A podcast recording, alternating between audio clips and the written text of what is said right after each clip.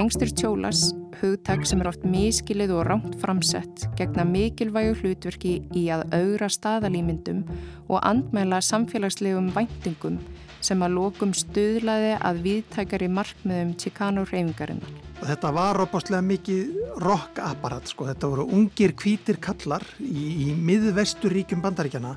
Þetta var svona rock-tippafílu líkt að þessu öllu saman. Hvernig get ég sko komið með eitthvað sem líkist handbræði inn í eitthvað sem er í raunni í grunninn verksmiðu framleitt mótern aðferð og þá var það akkurat þetta að nota sko timburmótin ómeðhöndluð. Chicanas, sjónsteipa, handa alþingismönnum og pitchfork á dánarbeðinu. Ég heiti Lóabjörg Bjöstóttir. Ég heiti Bjarni Daniel og þetta er lestinn þriðdægin 30. januar.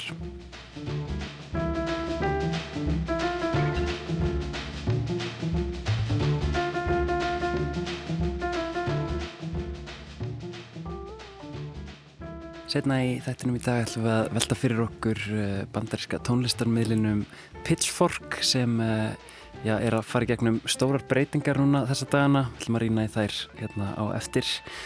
Mögulega að lesast upp? Já, geti verið, geti verið. Ég er að renna saman við uh, eh, lífstilstímaritið GQ, þannig að já, þetta eru, eru miklar og stóra breytingar.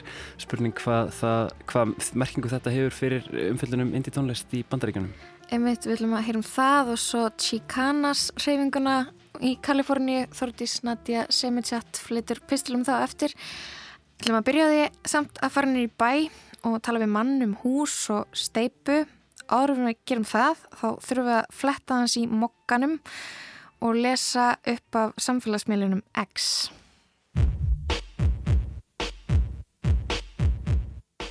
er bara komin í hann í fyrsta skipti, búin að vera í kringum hann í fimm minútur og hef eiginlega aldrei séð hann ánstila svona, þannig að það er svona passan að koma ekki með ómiklar skoðanir en ég segi bara svona fyrir að fyrsta sko þá lýst mér bara vel á.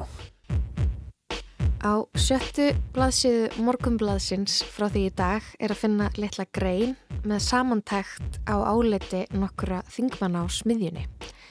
En smiðjan er ný skrifstofubygging Alþingis sem að nú er risin við lið Alþingishúsins í miðbæ Reykjavíkur.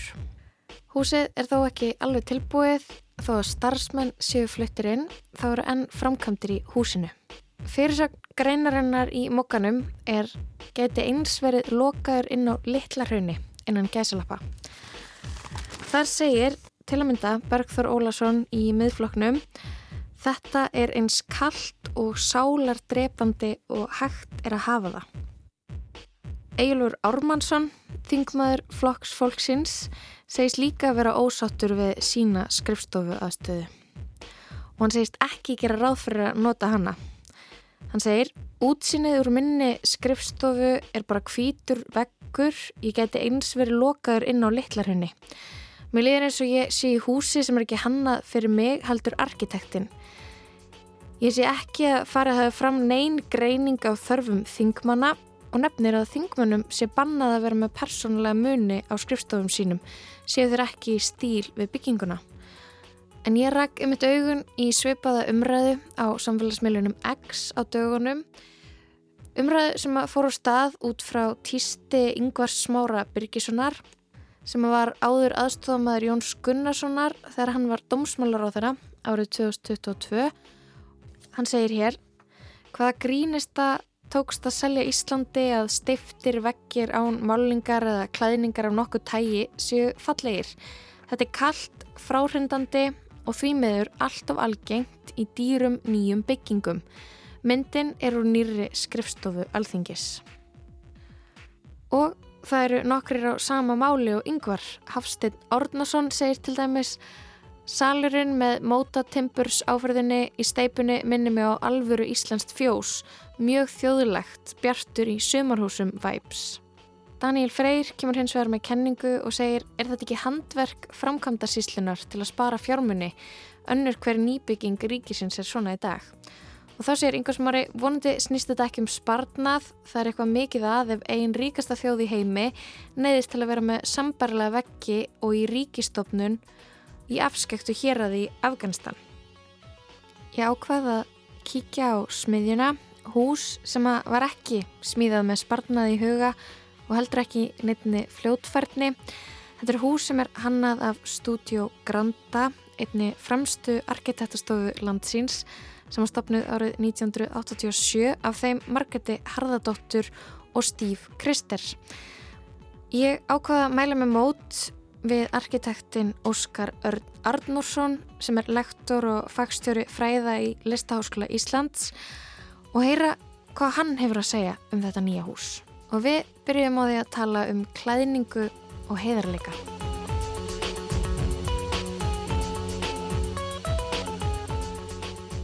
Ég er svona hérna alveg búin að vera tilbúin að vera sko bæði með og á móti, þú veist svona stundum heyri ég af þessu svona með þessu svona sko steinleðsla utan á byggingu um, ég verið að nota náttúrustein í þessu tilfelli það sem að það er að vera að klæða byggingu með, með náttúrustein vera að grafa hún í jörð og, og hérna, taka út eitthvað stein og, og, svo, og svo klæða bygginguna, stundum er það þá látna lít út eins og jáfnvel að einhverju viðvanninga gætu haldið, og viðvanninga þá menn ég alls ekki sko, þú veist, neitt niðrandi hátt heldur bara svona áhagamenn, gætu haldið að það, þetta væri í rauninni einhvers konar steinleðsla en þú veist að þá er augljóslega verið að svona plata augað einhvern veginn sko. En það sem er flott við þessa byggingu er að þessi, þessi bygging gengur svo mikið, gengst svo mikið við því að þetta sé sko steinklæðning. Að klæðningin er bara eða sko steinin í byggingunni er bara klæðning, klæðning, klæðning. Það er það sem hann öskrar á mann þegar maður lappar hérna út á götu og sér byggingun úr, úr fjarlæg og síðan aftur um því þegar við komum inn þá sjáum við að öll byggingin er náttúrulega úr steipu og það er bara það sem að hérna, það er aftur um því það sem að öskrar á okkur þegar við komum inn er bara steipa, steipa, steipa En veitu, ok, ok, mér langar að skilja betur þetta með þessa klæðningu. Er þetta eitthvað svona sem að um, arkitektar uh, takast á um? Eitthvað svona klæðn, þessi, eitthvað svona, já, klæðningin. Eða hvað, einmitt, hvað er pælingin þar? Okkur er það ekki flott? Eh, klæðning, eh, svona þetta rifrildum klæðningu er, eða svona debatt, er kannski bara óskin um hið svona um, hreinskilna efni. Uh, lengi vel þá voru byggingar í rauninni, þá byrtu þær á, á ytri fleti sínum efnið sem það voru byggðar úr. Uh, torfbæir eru bæði, eru í rauninni torf uh, er, er, er það fyrsta sem þú sér þegar þú sér torfbæ. Uh, steinhúsið til dæmis eins og hérna, altingishúsið er í rauninni í grunninn steinhús. Og þú sérð steinin þegar þú horfir á hann. Það fer ekki að meðli mála að það er steinhús. Steinsteipan sjálf er meira að segja hérna byrtir sjálfa utanfrá en þetta er í rauninu búið að tapast á undanförnum svona 20 árum með hérna, auknum kröfum um hérna, einogrunagildi þannig að þá er farið að sko fara með einogruna inn fyrir húsið nei utan húsið afsakið og þá verður að klæða einogruna með einhverju og þá í rauninni tapast þetta samband sko heiðarleikans við umhverju sitt. Að þú horfir á hús og veitir úr hverði það er, er það spurningum það? Já. En hvað er sjónsteipa?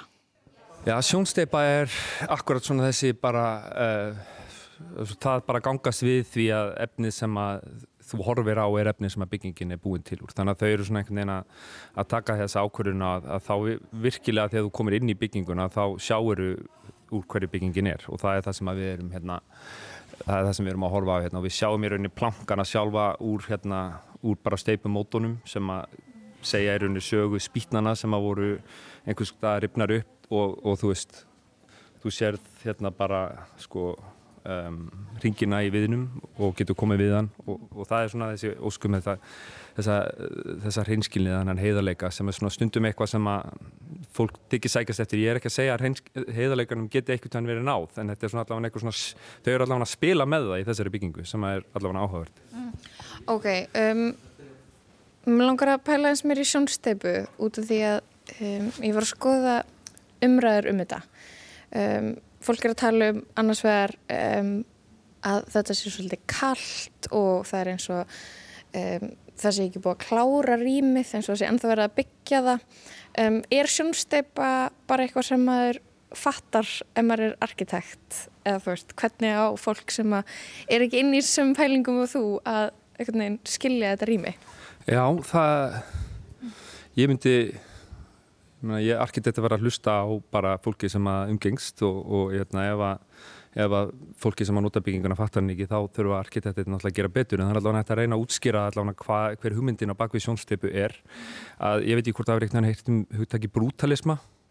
Að þú veist oft er orðið brútalismi notaðum hérna, alls konar hluti en brútalismi er samt mjög sko hérna svona sakfræðilega niðurnjörfa fyrirbæri sem að vex upp úr svona eftir, eh, heimstyrjöld, eh, svona eftir heimstyrjöldina síðari þegar að arkitektar vilja, byrja, vilja einmitt leita að svona þessu það, þeir kalla það sko betonbrút. Það þýðir einmitt bara eiginlega sjónsteipa það, og það er þaðan sem þetta orð brútalismi kemur, það er ekki að því að það eru svo brútal byggingarnar, það er að því að það er sjónsteipa í byggingun og þá er einmitt hugmyndin að það sé einhvers konar sko það eru ekki verið að reyna að gera byggingarnar einhvern veginn fítni en það eru, heldur er þetta bara einfallega ódýrasta leiðin til þess að ná einhvers konar handbræði og tilfinningu inn í mjög kallt efni, þannig að einhver leiti getur maður sagt að þetta sé sko í rauninni fyrir mér, það, þú veist, og það er greinlega bara mín styrlaða styrla skoðun, er að þetta sé mitt mjög hlýlegt og mjög viðkunnulegt efni og áferð.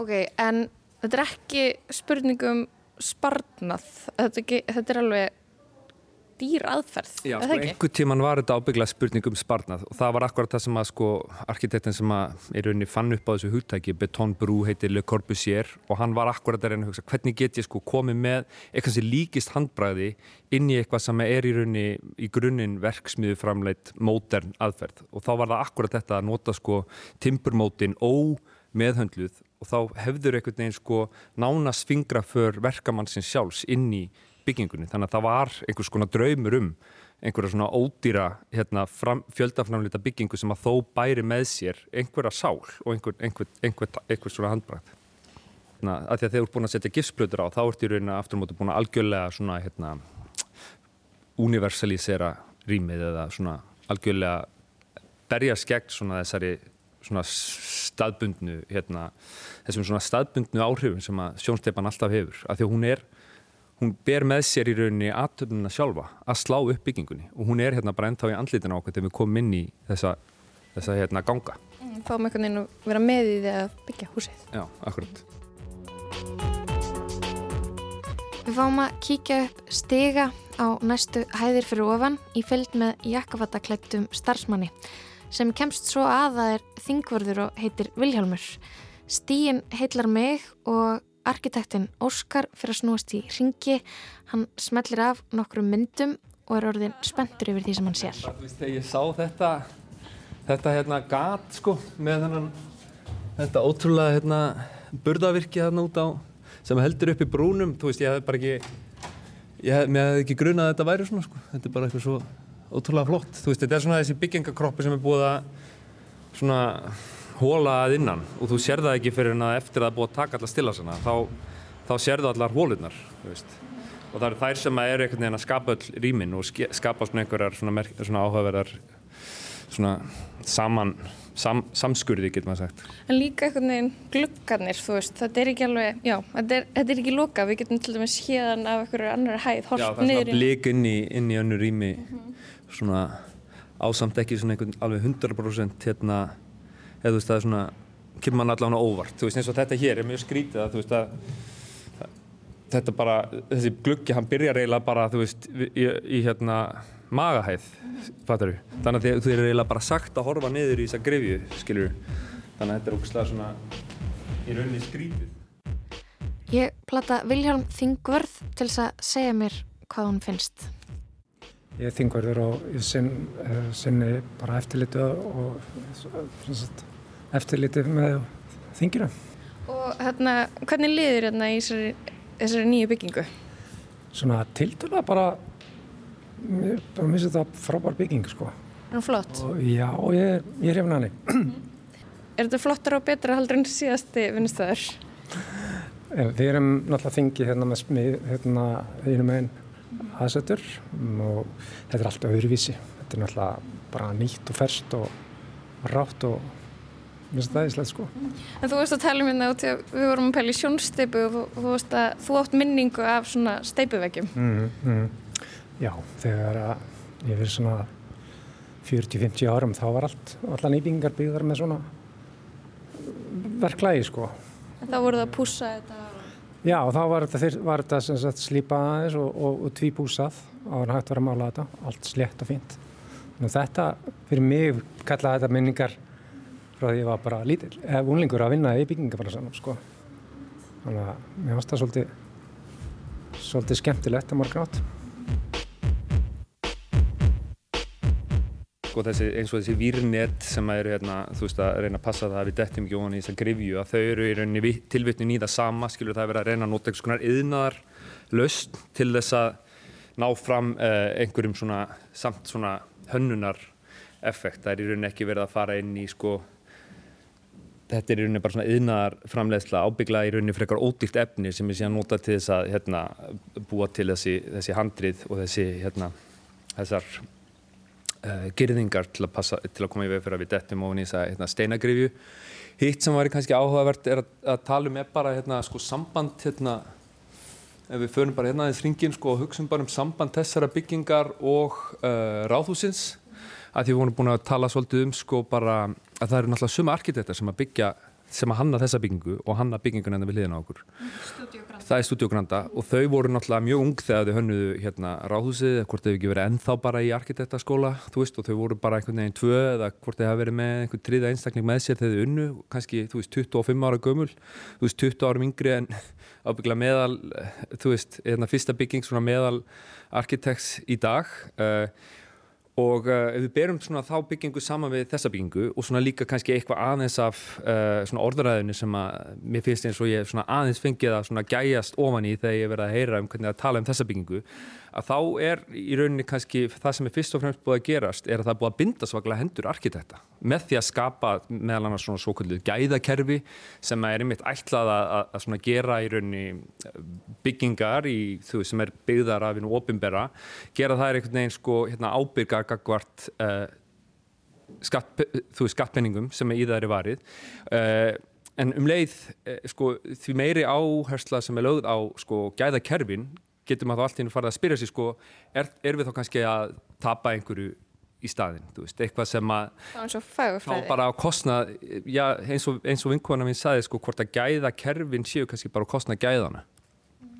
uh, ég veit ekki hvort að það sé hérna, hvort að það sé raunin en, en, en e, sko, ég, að að það, var, það er til dæmis einhverjir hérna sé er einhverjir alltingismenn búin að vera að, að tala um hvernig, hvað þeim finnst um bygginguna, sumum finnst hún ágætt, öðrum ekki og þá getur maður sagt sko, þú veist, ef það er einhverjir sem að geta haft áhrif á gæði bygginga, þá eru það alþingismennir, af því að það eru þeir sem að binda hendur arkitektana. Uh, arkitektarnir eru inn í, arkitektur er alltaf sama verkefnið, sama hvort það er hérna óperuhús í Sydney eða þú veist eldús fyrir vinnin, að þú ert bara með einhver ákveðina hérna fjödra og þú gerir bara sem best úr þeim fjödrum og ég held að þú veist að það sem að við erum að horfa hér sé bara áhugavert. Við erum hérna með tvö hús, hlið við hlið, það eru bara eitthvað 20 metrar á milliðra, upphaf ferils, setni hluti ferils, Studio Granda. Um, fólk er að velta fyrir sér, er þetta einhvern veginn það sem er tísku í dag, þú veist, um, þarna, er þetta nýjasta nýtt og lítur það svona út? En ég er svona, ég er hens vegar að hugsa bara, þú veist, er þetta ekki bara klassíst eiginlega orðið? Það er ekkert verið að, að hérna, brjóta eitthvað blað eða gera eitthvað mjög nýtískulegt hérna. Erum við ekki bara að tala um, þannig að þau eru að tala í svona frekar klassíska hefð hérna? Já, klassísk og ekki klassísk, það fer svona eftir hvað maður meina með orðinu klassík. Um, ég held að þetta sé allavega, þú veist, það er ekkert nýtt í íslenskum byggingum eins og þú segir að, að þú veist vera með sjónsteipu og hérna ómála timbur og, og hérna stál og slíkt. Ég held að það sé nú bara eitthvað svona sem að er búið að vera gert á Íslandi akkurat síðan þau gerða missa góð sitt hérna ráðhús fyrir um 30 árum um, þessi bygging sko hún svarar svona á, ákveðna ákalli um að þegar þú lappir um miðborgina að þá tali byggingarnar til þín og það er séu að það sé einhvers konar svona uppbrott í hérna í yfirborði byggingarnar sem að svona veit einhverju lífi í umhverfið og gefur tilbaka. Og þau séu einhvern veginn að reyna að gera það með þessari steinklæðningu skiljur, að þú þarf þá að reyna að finna einhverja klæðningu sem einhvern veginn gefur eitthvað af sér umfram bara þessa svona gráu steipu ráðhúsins, veist, að það eru svona, eru svona einhvern veginn að reyna að koma til mótsvið í rauninni samtíma sinna að því leiti að því að ef það er eitthvað sem að fólks sko áða til að setja út á steipu er bara gráminn og, og hérna svona það sem er svona og það sem að kannski brutalismin er oft gaggrindu fyrir er svona þetta, þú veist, ég veit ég nú skorti með íslenskt orða en að vera svona monolithic þú veist að þú lest í rauninni bygginguna sem einn risastóran byggingakropp á meðan eins og þú ferði hérna kringum hotni og ferði nýra lækjagötu, það er hótel sem er búið að brjóta upp í það er eitt stort hótel en það er búið að brjóta það upp eins og sex byggingakroppa til að láta lít út fyrir að vera fimm minni byggingar, við hvað við. Svo séum ekki með eitthvað eitt risa hús sem er ótrúlega ókveikjandi. Já, og það er bara, þetta er bara eitthvað sem að, persónulega vil ég miklu frekar fá eitt stóran, feitan, gráan byggingakropp, en það er bara, það er bara arkitektin í mér, mér sem talar, en þau eru að koma til móts við þessar, þessa hugsun með svona, að hugsa, ok, hvernig getur við brotið upp hérna þennan flöt á einhvern áhafarðanhátt sem að tengir einhvern veginn við þessa svona steinlegslu hefð og, uh, og svona þessa hugmyndum, þessa lag, lagskiptingu, ég veit nú ekki, ég hef nú þurft að kynna mér aðeins betur hérna konseptið á bakviðklæðninguna og, og bygginguna áðin í kom, en, en þú veist að reyna að tengja svolítið við það án þess að svona gefast upp á uh, hugmyndinu um sko um nútíma hús. Sko, þarna, það er svona áhugavert að sko fylgjast með umræðu þar sem að fólk í svona mikilvæg valdastuðu er að mæta í vinnuna. Auðvitað sem er sáttir en aðrir kannski hvarta yfir þetta sé ekki nógu flott. Um, en þetta er hús sem er hannað af hvað okkar fremstu arkitektum. Værið þú ekki uh, þetta er kannski leiðandi spurning værið þú sáttur að, að mæta í vinnuna í þetta hús?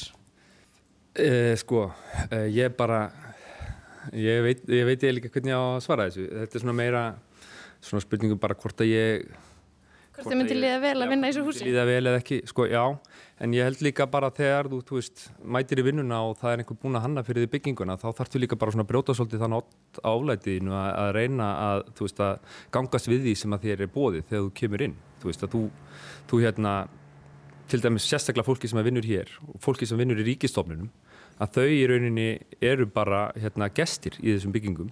Og þetta er, þetta er bara einmitt, það er búið að fara fram hérna, þú veist, lögbundi ferðlið þess að búið að finna arkitekt sem á að vera besti arkitekt og fremsti arkitektin í sinu rauð með því að vinna akkurat þessa samkeppni akkurat bundin af þessum reglum sem að meðal annars hérna, aldingismenn hafa sjálfur sett arkitektum.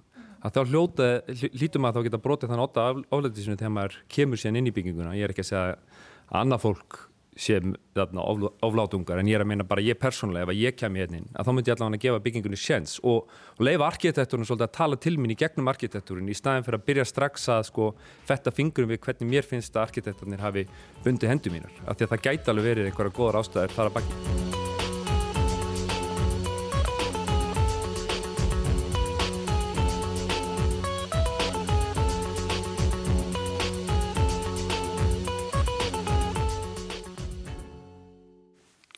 Lóabjörg hrætti þarna við Óskar Örn Arnórsson, arkitekt. Já, um smiðjuna, nýtt hús nýri bæ sem að alþingismenn munu nota, eru byrjaðar að nota. Um, en við ætlum næsta að heyra pistil frá Þordís Snati Semichat. Hún er búin að vera velta fyrir sér hugtækinu Chicana.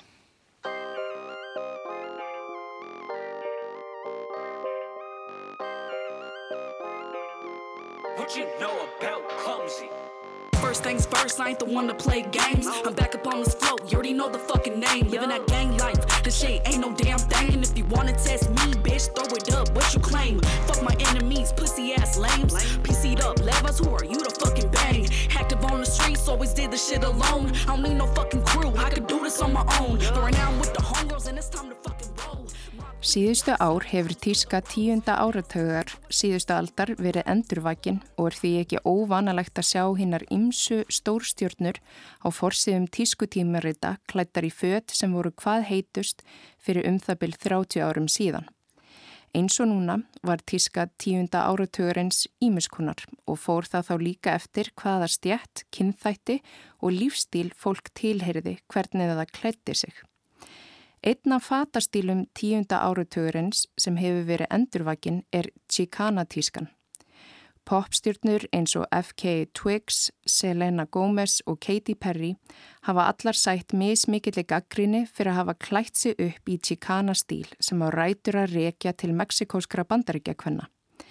Stílinn hefur verið kallaður Chicana en er í raun beturkendur við Gangster Cholas.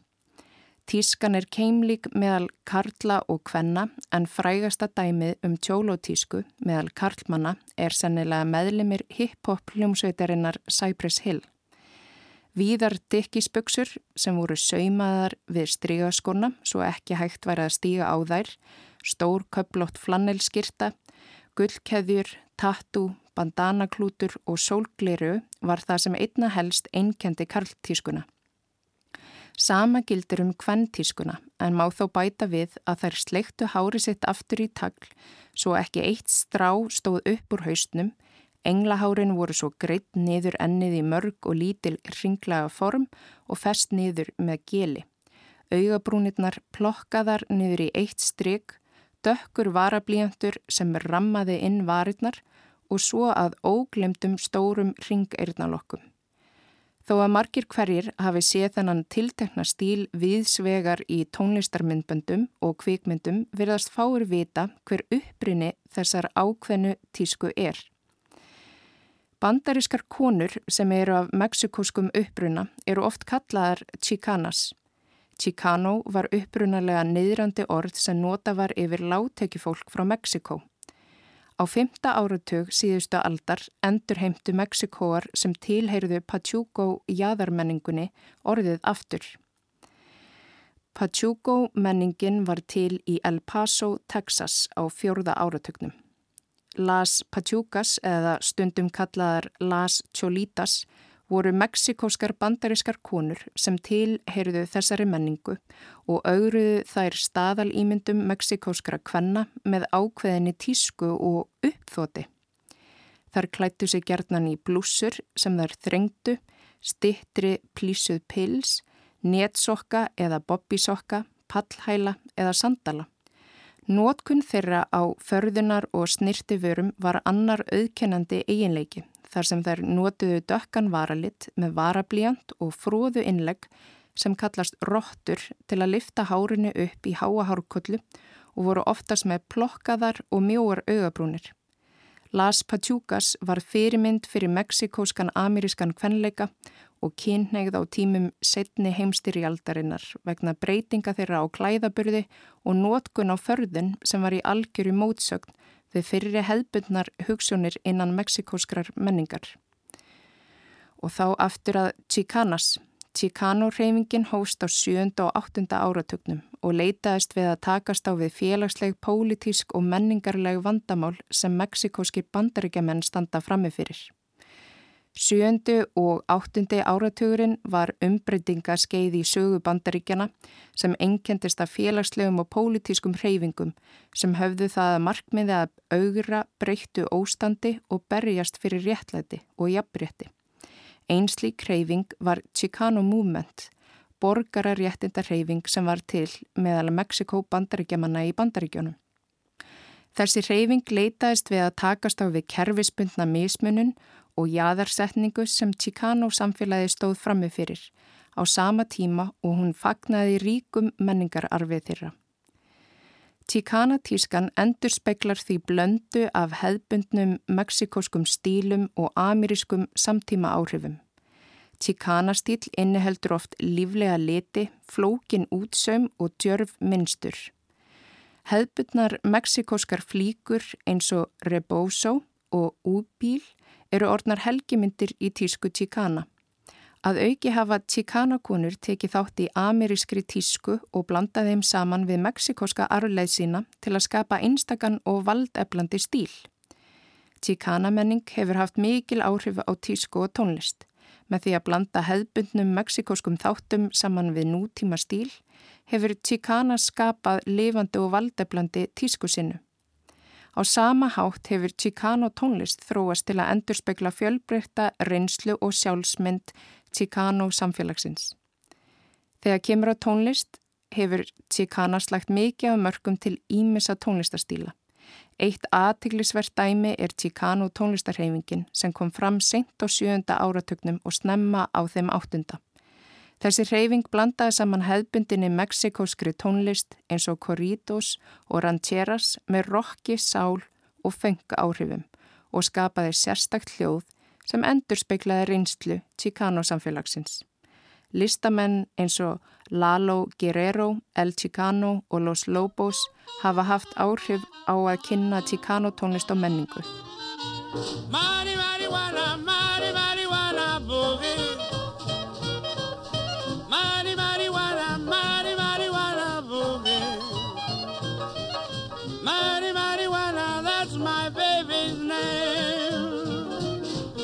Þegar rættir um Chicano reyfinguna á 7.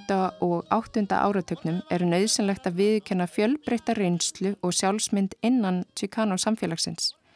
Eitt slíkur hópur sem kom fram á þessum tíma var Gangster Cholas. Gangster Cholas hugtak sem er oft miskilið og rámt framsett gegna mikilvægu hlutverki í að augra staðalýmyndum og andmæla samfélagslegum væntingum sem að lokum stuðlaði að viðtækari markmiðum Chicano reyfingarinnar. Þó að gengstir tjólas hafi oft verið tengdar gengjum er mikilvægt að viðkjöna að ekki tóku allar tjólas þátt í glæpastarfsemi. Sumum þeirra bauðist að ganga til liðs við klíku eða gengi upp á tilfinningu fyrir samfélagi og vernd í krefjandi hverfum. Í þessu samingi veitti klíku aðild stuðningskerfi fyrir einstaklinga sem stóðu frammu fyrir kerfispundinni mismunun og takmörkuðum tækifærum. Fatastýl Gangster Cholas er það sem oft er kallað Chicana-stýl í dag. Eins og nefnt var áður er það gengstur tjólastýllin sem mörg okkar þekk í dag í gegnum hljómsveitir á borðu við Cypress Hill og aðra fræga rappara vestustrandar bandaríkjana sem voru þó ekki komnir af meksikóskum upprana eins og Tupac Shakur, Eazy-E og Snoop Dogg.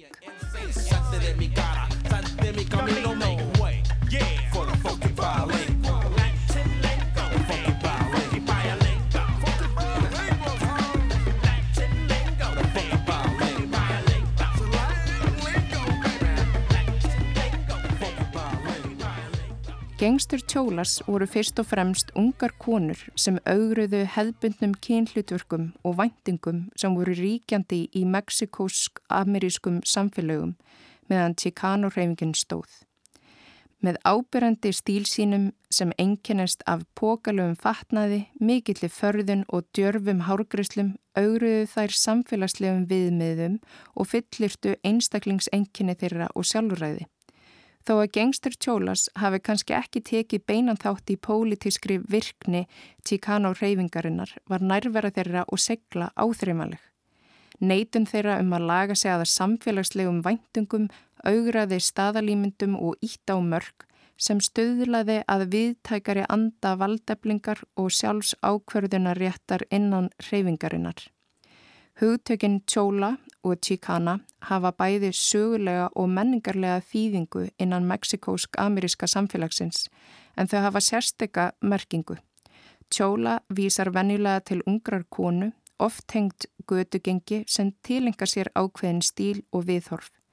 Tjólas eru þekktar fyrir ábyrrandi tískuvalsitt sem getur falið í sér víðföt, þungaförðun, djarvar hárgreislur og ákveðna fylgihluti eins og eirnalokka og bandana.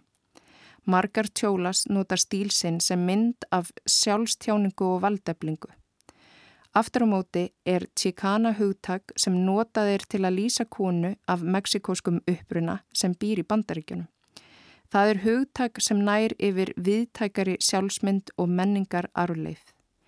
Chicana er oft tengt stolti, aktivisma og pólitískri vitund. Chicana konur hafa gengt mikið vægu hlutverki í að tala fyrir félagslegu réttlæti, jafnbretti og eblingu meksikósk-ameríska samfélagsins.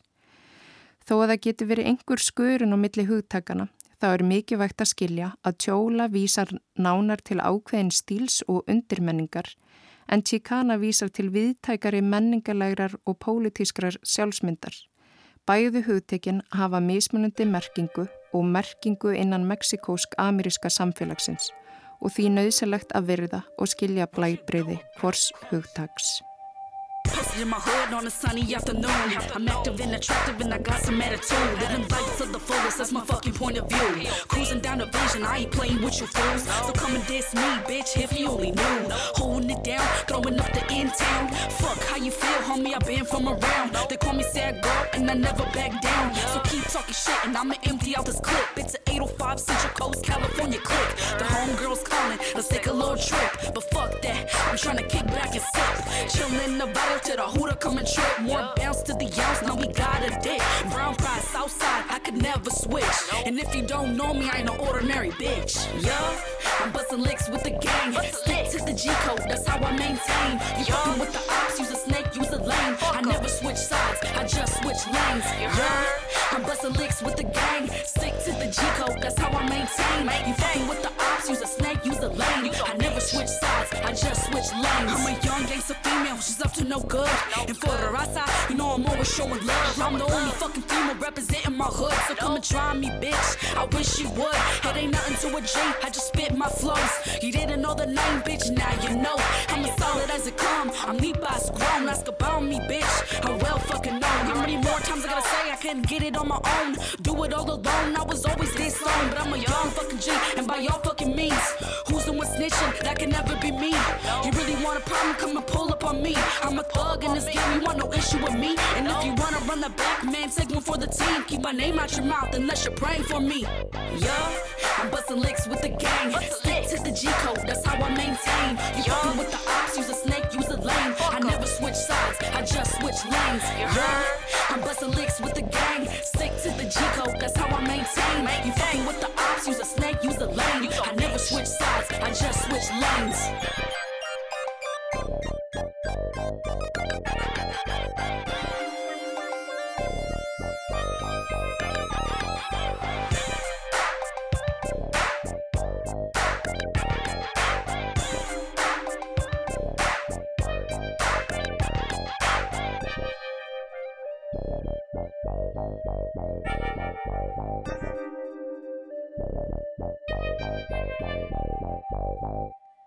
Lægið Active and Attractive með Sad Girl. Það var hún Þorgis Nadja Semidjátt sem að fluti bestil. Og já, en næst ætlum við að opna fartölunar okkar og uh, kíkina á pitchfork.com.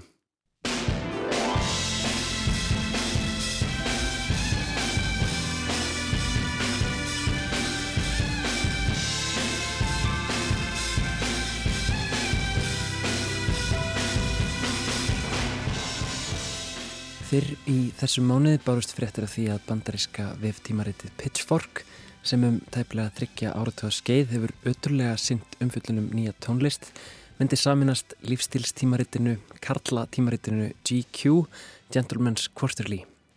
Bæði eru fyrirtækin hluti af Condé Nast fjölmjöla samstöpunni síðan Pitchfork var hluti af henni fyrir nýja árum síðan árið 2015. Þessi saminning hefur verið umdild í ringjum tónlistargrúskara undanfarnar daga og vikur og þrátt verið skiptar skoðanir á vægi, pitchfork og relevans í tónlistarumfyllunni í setni tíð verist vera samhugur um að þetta séu sorglegar frettir fyrir öll þau sem láta sig tónlist varða. Áður en við rínum í þessar nýjustu vendingar skulum við snögglega glöggva okkur á sögu tímaritsins pitchfork.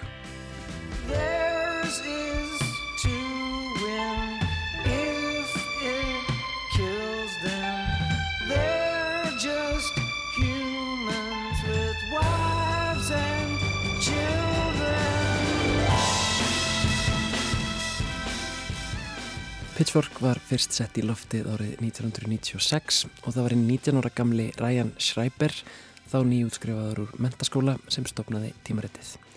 Hann vann á þessum tíma í plötubúð í Minneapolis borg og hafði árum saman haft brennandi áhuga á öllu sem viðkom tónlist og tónlistarumfyllun, hafði allist upp glápandi á MTV en dreyjist á unglingsaldri að neðanjara tónlist, ekki síst háverri og tilrunaglaðri gítartónlist úr ranni síð harkarnasveita á borfið Fugazi og Jawbox.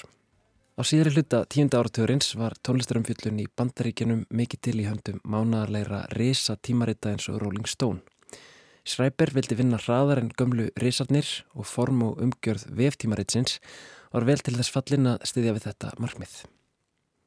Strax um aldamót var Pitchfork-orðin afar mikilvægur vettvangur fyrir tónlistarumræðu vestra. Fimm árum eftir stopnun náði fjöldi dælira heimsókna á síðuna upp í 30.000 og öðrum fimm árum síðar hafði þessi tala næstum sexfaldast. Árið 2006 lásu 170.000 manns síðuna dælega. Það sem hefur einkent umfjöllun Pitchfork frá fyrsta degi eru vandaðir og oft stórkostlega háflegir plötudómar.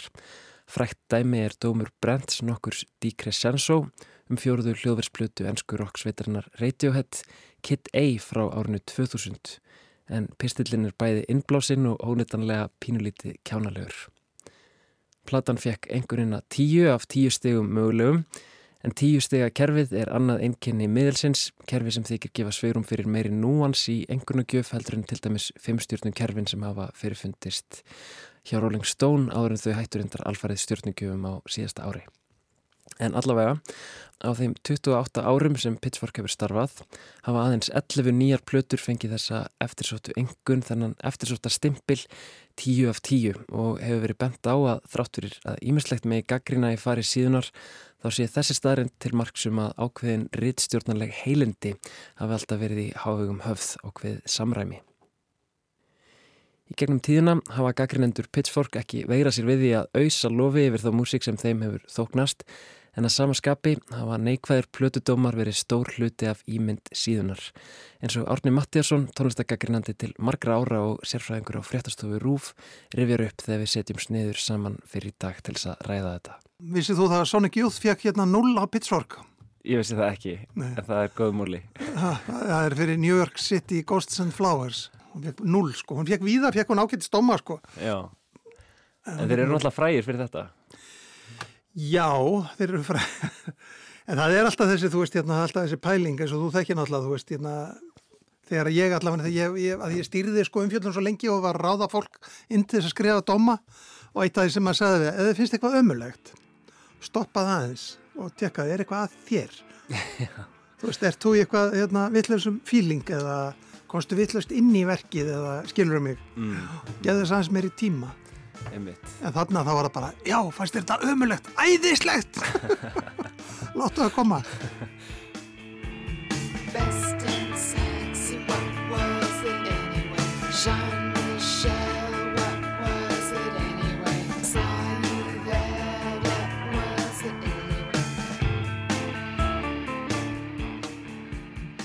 Þegar Pitchfork var sett á lagirnar 1996 hafði Árni fengist við tónlistrumfyllun og gaggrinni um ára bill. Ég spyr hann hvort hann muni eftir þegar síðan fyrir fyrst að vekja aðtegli. Pitchfork Media eins og að hétt hann í upphafi. Já, ég man vel eftir því. Ég man vel, ég, ég get ekki sagt að ég hef byrjaði að lesa fyrsta daginn en þetta var eitthvað sem mað, maður komst snemma á snóðurum og hérna ég byrjaði mjög snemma já að kíkja á Pitchfork sko. Mér finnst, sko, mitt áhuga svið var Íslandsmusík og svo svona hvað getur svona tilrunni kjentara músík. Og þetta var opastlega mikið rock-apparat, sko, þetta voru þetta voru ungir kvítir kallar í, í miðvesturíkjum bandaríkjana mm. sem voru þarna, þetta var svona þetta var svona rock-tippafílu líkt að þessu allir saman. Og hérna allt í læg með það vegna þess að þetta er fullt af góri rockmusík auðvitað og ég hef líka gaman henni.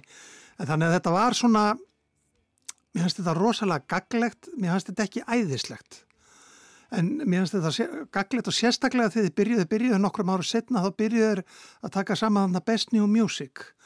Og ég kíkti reglulega á það og hef kíkt reglulega á það alla tíð síðan, þú veist, að tekka hvað er í gangi og hvað finnst mönnu best þarna? Og er þetta eitthvað sem ég hefði kannski gaman af?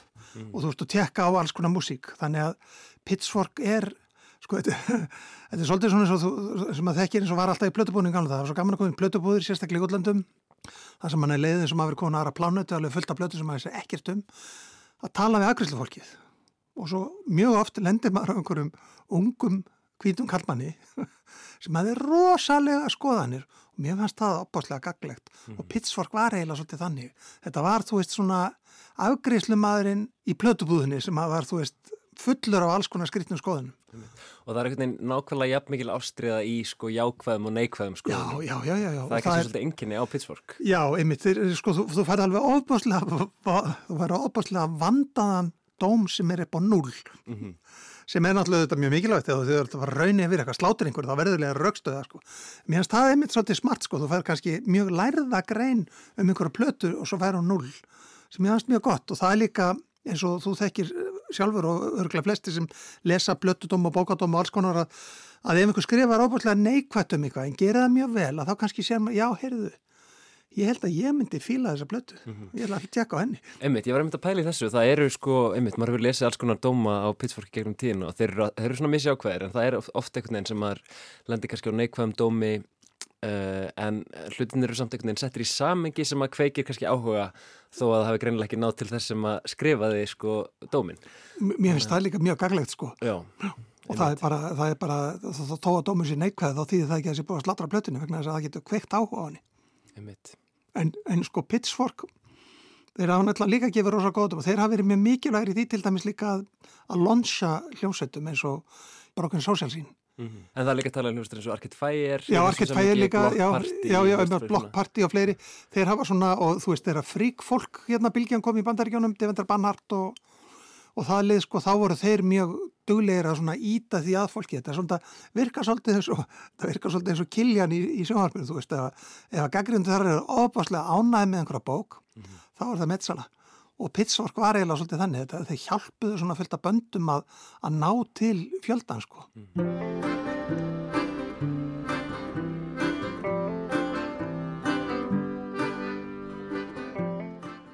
Eins og áður sagði þá var Pitchfork gríðarlega áhrifamikill vettvangur á sviði tónlistarum fyllunar á fyrsta áratug þessar aldar í bandaríkunum og víðar En hvernig þykir árna þetta hafa þróast undan farin ár?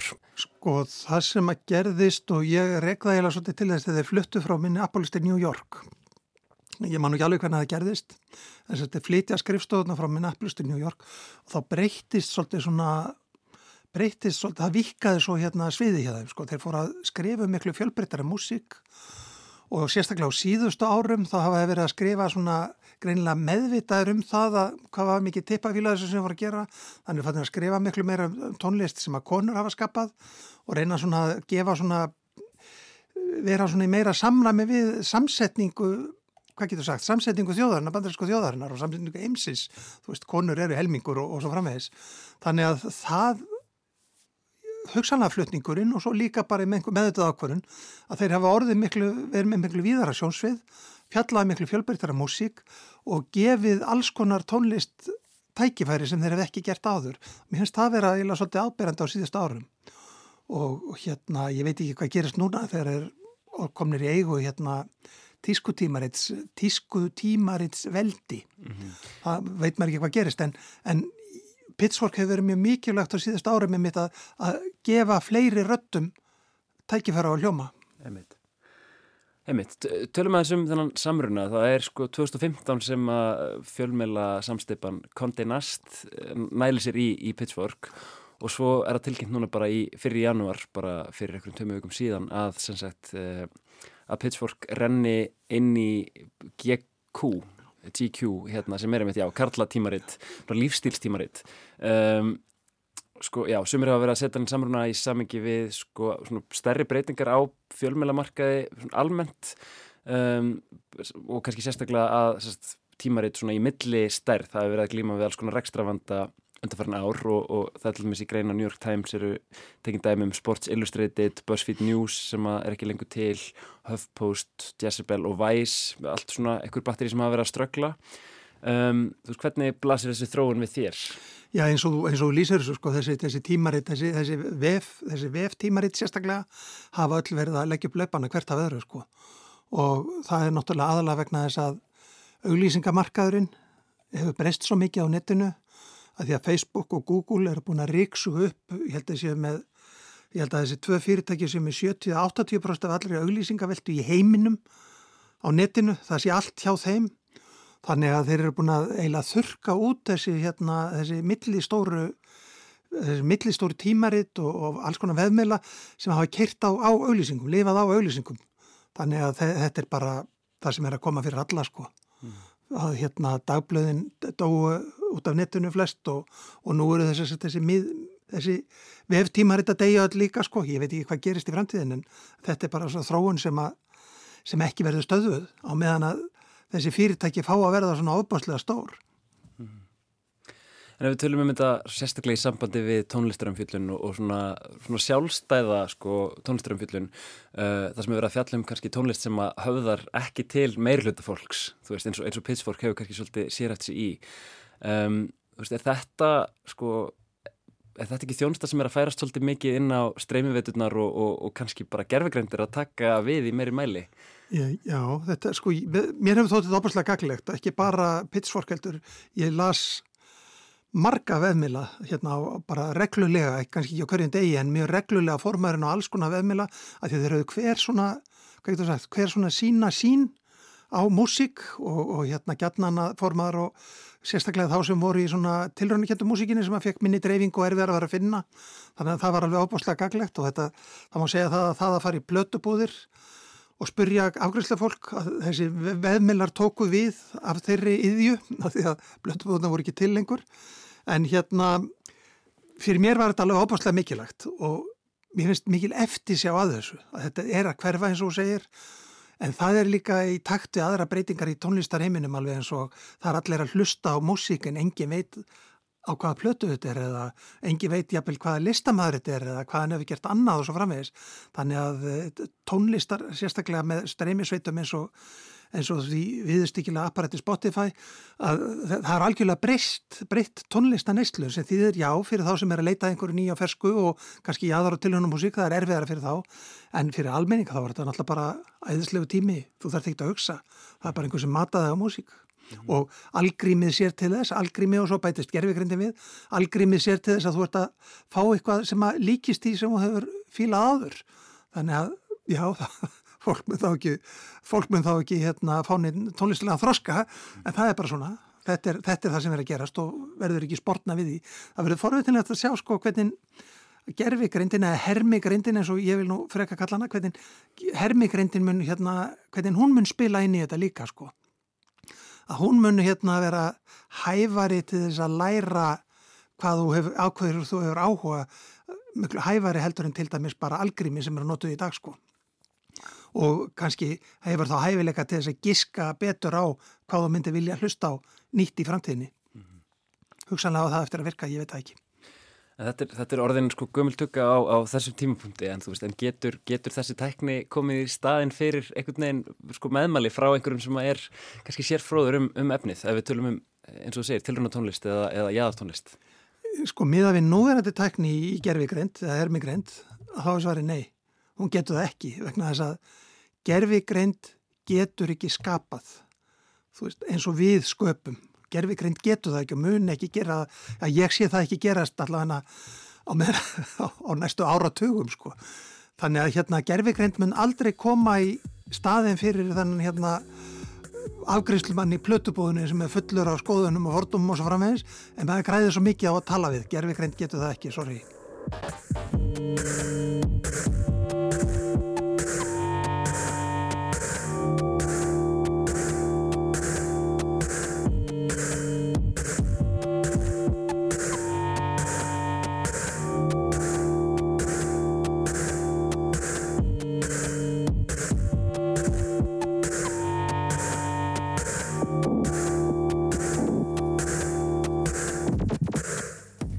Við heyrum hér lagið Idiotech af plötunni Kid A eftir hljómsdýrna Radiohead. Þetta er, uh, þetta er svona Pitchfork klassík, eina af þessum fáur plötun sem hafa fengið tíu í engun hjá uh, Pitchfork.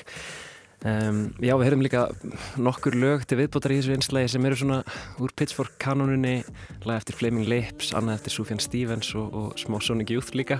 Uh, gott stöf og ég rætti þarna við Árna Mattiasson um, um framtíð Pitchfork eftir, eftir saminninguna við GQ. Eh, hann segir að gerfugreind og algrímar á streymuvitum mun ekki koma í staðan fyrir tónlistanördan sem vinnur í plötubúðinni og er stút fullur af sérþekkingu, skoðunum og fordómum. Nýja internet hliðstæði hans sem er kannski tónlistakakrinnandina á vefsíðum eins og Pitchfork. Emitt. Við erum komin að leiðalokum í lestinni í dag. Við Bjarni Daniel og Lóa Björk þakkum samvöldina. Tæknumöður var Lítja Gretastóttir. Sem það.